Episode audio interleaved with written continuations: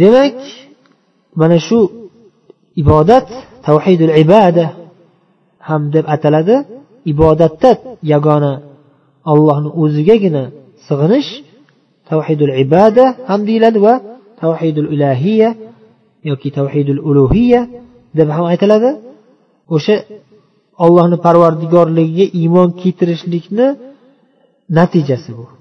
Va o'sha alloh taolo parvardigorligiga iymon keltirishlik taqozo qiladigan narsa. Mana shu nuqtada juda ko'p odamlar adashgan. Tarixda payg'ambarlarni hammalari desa ham bo'ladi butun odam alayhissalomdan tortib endi odam alayhissalom payg'ambar bo'lganlarida o'zlarini avlodlariga ular hammasi islomiy tarbiyada o'sgan o'zlarini qo'llarida. U payt shirk degan narsa bo'lmagan hamma tavhid bilan o'sgan. Illo o'sha ba'zi bir e, birinchi o'rinda o'g'illari qobil itoat qilmasdan xudoga ishongan bo'lsa ham shirk qilmagan bo'lsa ham lekin otasiga ham otasi ham payg'ambar ham ota shunga itoat qilmasdan va hatto o'zini tug'ishgan akasi yoki ukasiga hasad qilib o'zini havoyi nafsiga berilib e, dindan chiqib ketadi. Lekin ochiq shirk bo'lmagan u payt. Ochiqdan ochiq allohga shirk keltirish bo'lmagan. Keyinchalik paydo bo'lgan. Hatto ibn abbos roziyallohu anhudan rivoyat qilinganidek o'n asrgacha o'n asrgacha shirk bo'lmagan. Ochiqdan ochiq mushriklar paydo bo'lmagan. Hammalari tavhid bilan tarbiya topib tavhid bilan yashab o'tishgan. O'sha paytdagi jamiyat o'sha paytdagi xalq odamlar sekin sekin ko'payib borgan odamlar faqat yagona ollohni o'ziga sig'inib shu tarbiyada o'sishib shu tarbiyani avlodlariga yetkazishib shu tavhid bilan ya'ni tavhidi rububiya va tavhidul ulug'iya bilan yashashgan. Hech qanday bir shirk ibodatdagi bo'lgan shirk yoki xurofotlar bidatlar paydo bo'lmagan illo o'n asrdan keyin boshlangan. O'n asrlardan keyin ya'ni endi o'sha paytni o'n asri endi bu masalada o'n asr qanchaligi masalasi haqida ham boshqa gaplar bor. Ya'ni masalan ba'zilar o'sha odam alayhissalom ming yil odam alayhissalomdan nuh alayhissalomgacha bo'lgan davrlarda odamlarni o'rtacha hayoti ming yildan iborat bo'lgan deyishadi. Bir odam ming yil yashagan ya'ni har bir o'sha paytda o'rtacha hayot bizni hozir bizni davrimizda sakson yoshlar bo'lsa oltmish yosh oltmish yosh yetmish yosh sakson yoshlargacha yashab keyin ko'pchilik o'sha sakson yoshga borib bo'lmasdan o'lib ketishi e, oddiy holat bo'lib qolganda u paytda oddiy holat ming yil bo'lgan. Ming yil yashashgan. O'shani bir asr deyishadi ba'zilar. Ya'ni bir asr ming yil bo'lgan. Hozir bizni davrda bir asr yuz yil hisoblashadi. Endi odam alayhissalomdan nuh alayhissalomgacha o'n asr bor deganlar ibn abbos. O'sha o'n asr qancha? o'n ming yil deyishadi ba'zilar tarixchilar. Ya'ni o'n ming yilcha yashagan o'n ming yilgacha deyarli o'n ming yilgacha yashagan e, o'sha paytdagi odamlar hammalari tavhidda bo'lishgan. Nuh alayhissalom kelishlaridan ozroq oldin shayton har xil hiylalar bilan ularni tavhid yo'lidan adashtiradi. Ana shu nuh alayhissalomdan oldin tavhiddan adashtirish paydo bo'lib o'sha davrdan boshlab keyingi davrlar davom etib ketgan ya'ni nuh alayhissalom keyin ming yil to'qqiz yuz ellik yil da'vat qilib oxiri alloh taolo u kishiga nusratu g'alaba berib mushriklarni to'fon bilan cho'ktirib yuborib mushriklar yo'q bo'lib ketadi faqat tavhid ahli qolishadi nuh alayhissalom bilan. Va keyinchalik ularni avlodi yana tavhidda ma'lum bir muddatgacha tavhid bilan yashashib keyin yana shayton kelib har xil hiylalar bilan yana ularni ichida fitna qo'zg'ab tavhiddan adashtirish boshlaydi. Yana bir qancha muddat shirklar kuchayib borib borib borib keyin alloh taolo yana boshqa payg'ambar yuborib keyin u payg'ambar yana jon kuydirib uzoq muddat da'vatlar tarbiyalar bilan shug'ullanib oxiri yana olloh o'sha o'zini yuborgan payg'ambarlarga g'alabalar berib mana shu bilan mana shunday tartibda keyin haqiqat bilan ya'ni tavhid bilan botil ular o'rtasida shirk xurofotlar o'rtasida kurash tarixda davom etib kelgan. To payg'ambarimiz muhammad sollallohu alayhi vasallam davrlariga qadar. Payg'ambarimiz muhammad sollallohu alayhi vasallam kelganlarida ham makka mushriklari va aylan atrofdagi arablar va boshqa millatlar hammasi deyarli o'sha paytdagi odamlarning hammasi shirk botqog'iga cho'kib ketishgan. Hammasi deganda ya'ni to'qson to'qqiz foizdan ko'pi demoqchimiz. Yuzda yuz emas. Bitta ham tavhid ahli qolmagan tavhid ahlidan bo'lgan bitta ham odam qolmagan degani emas. Bitta ikkita tavhid ahlidan qolganlar bo'lgan. Ular lekin qo'l barmoqlar bilan sanaladigan darajada juda kamdan kam hisoblangan juda kam bo'lishgan.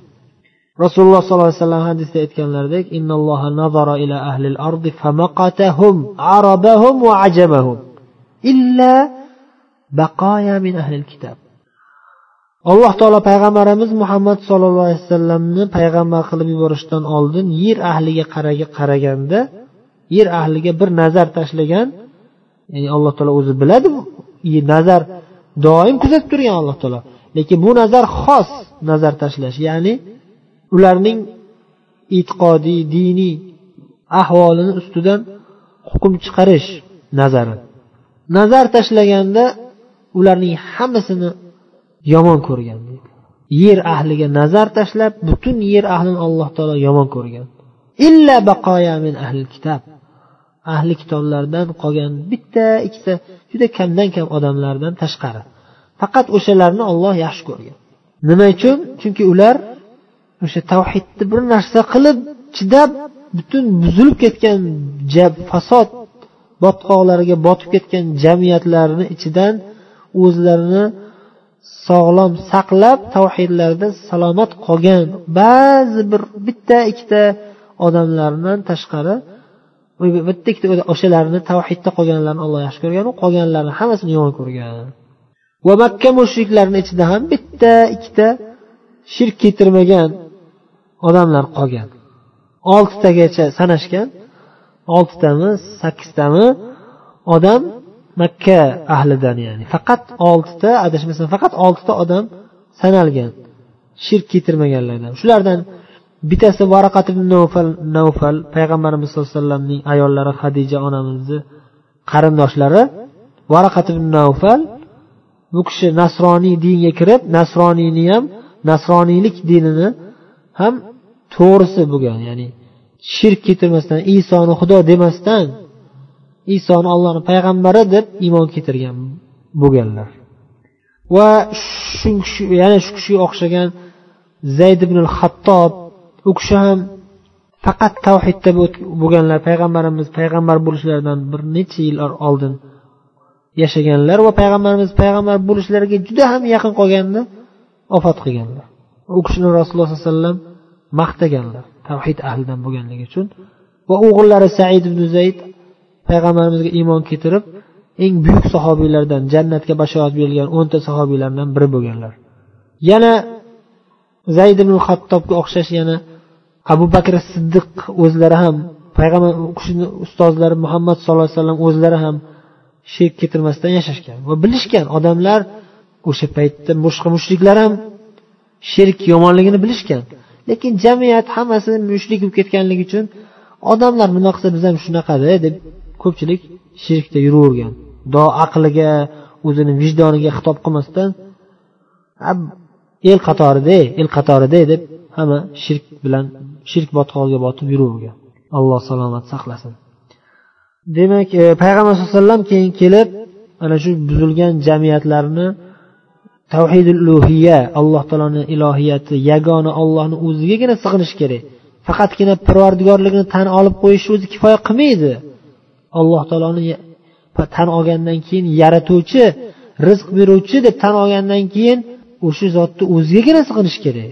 Boshqalarni shirk qilmaslik kerak deb da'vat qilib qaytadan odamlarni hidoyatga chaqirishga boshlaganlarida asosiy qarshilik faqat shu nuqtada bo'lgan.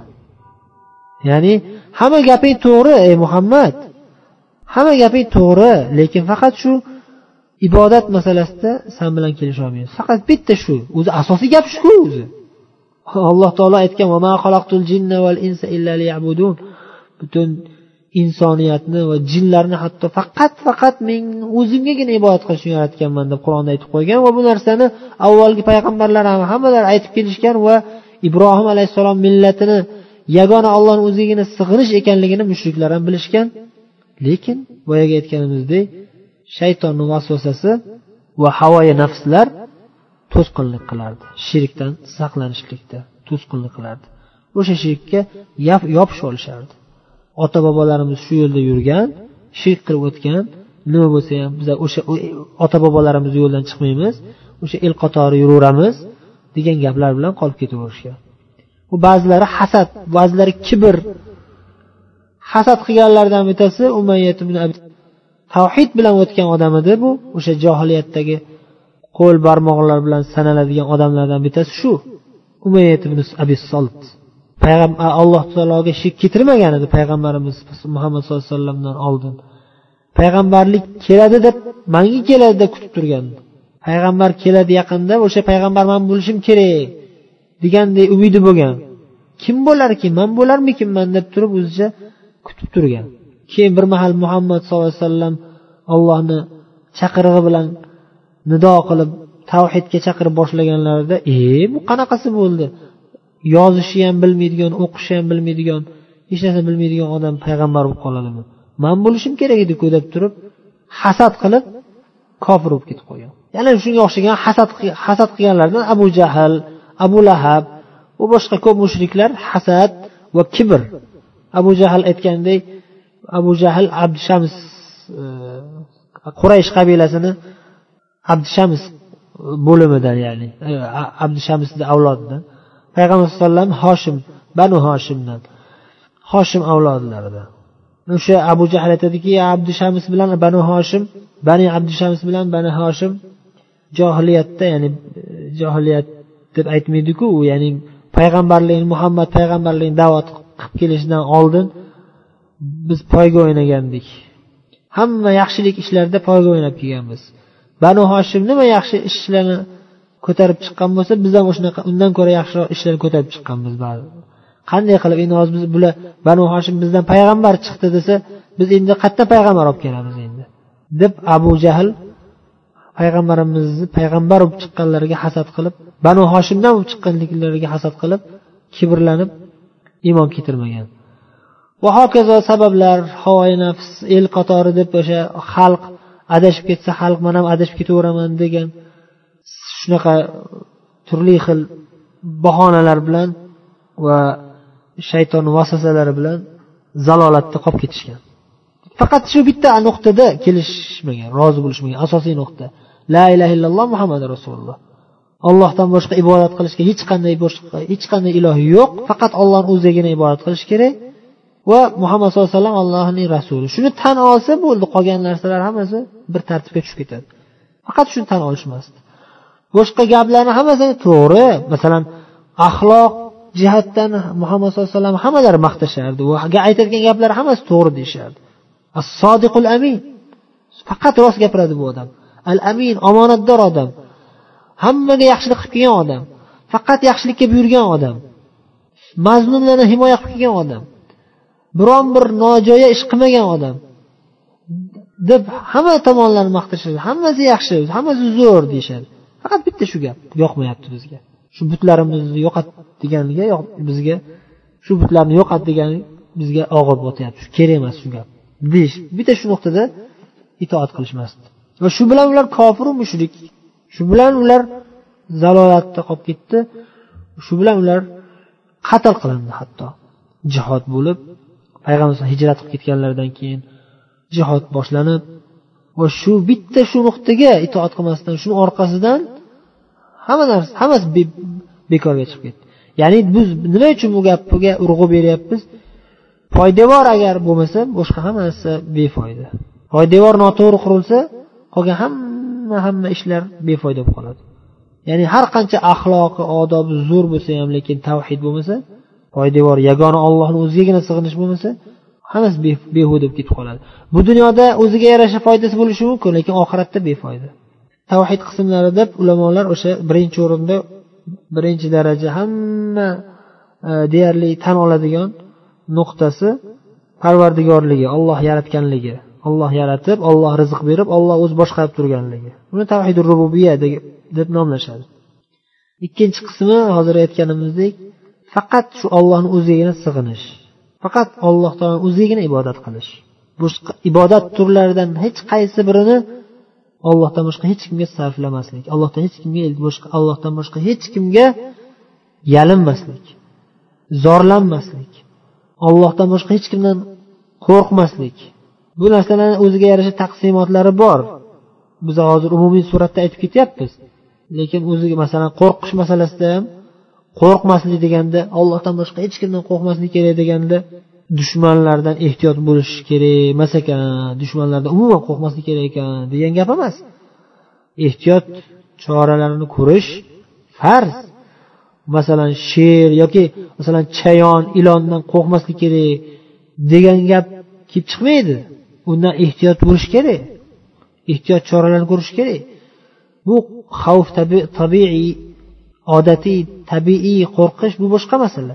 Qo'rqish deganda haddan oshiq darajada qo'rqib ketish. Ya'ni hamma narsa shuni qo'lidan keladi. Mana shu masalan deylik mana shu podshoni qo'lidan keladi hamma narsa. Shundan qo'rqib turishimiz kerak degandek bu shirk bo'lib ketadi. Yoki bo'lmasam e, yordam so'rash masalasi. Faqat faqat ollohdan yordam so'rash kerak deganimizda birodaringizdan yordam so'rashingiz harom shirk degani emas. Agar yordam so'rash haddan oshmasa joiz joiz bo'ladi.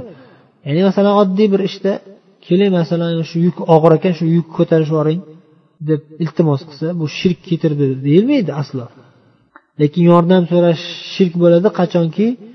Ana shu yordam so'ralayotgan odam hamma narsaga qodir desa hamma narsa qo'lidan keladi. Yoki bo'lmasam ollohdan boshqa hech kim qodir bo'lmaydigan ishni so'rasa yordam so'rasa shundan ya'ni masalan ahmad yassaviyga iltijo qilib nima deyishadi bular nido qilishayotganda o'shanaqa qabrlarga ey buyuk avliyo deyishadimi ey buyuk pir deyishadimi menga o'g'il farzand bering man hech ham farzand ko'rmayapman a bu narsa ularni qo'lidan kelmaydiku faqat ollohni qo'lidan keladi يهب لمن يشاء إناثا ويهب لمن يشاء الذكور ويجعل من يشاء عقيما olloh xohlaganiga qiz beradi xohlaganiga o'g'il beradi xohlaganini bepusht qilib qo'yadi bepusht qilib qo'yadi farzandsiz qilib qo'yadi Bu narsalar ollohni qo'lidan keladi faqat boshqa hech kim qo'lidan kelmaydi.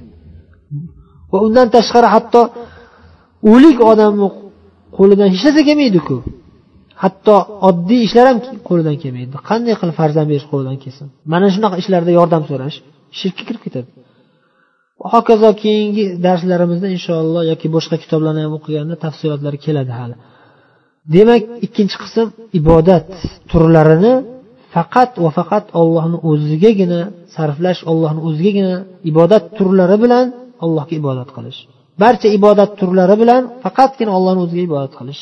Bu tavhidul ibada yoki tavhidul ilahiya yoki tavhidul ulug'iya deb ataladi. Bular hammasi bitta narsa. Faqat ollohni o'zigina o'zinigina iloh deb bilib o'shanga faqatgina o'shani o'zigagina sig'inish endi uchinchi qism ham bor. Buni alohida ta'kidlanishiga o'ziga yarasha sabablari ham bor. Tavhidul asma va sifat. Uchinchi qismi asmo sifat. Ollohning ismlari va ollohning sifatlari. Mana shuni mana shu allohning ismlari va allohning sifatlarida ollohni o'zini yagona deb bilish. Barcha ollohning ismlari o'ziga xos bo'lgan ism. Allohning barcha sifatlari o'ziga xos bo'lgan sifat.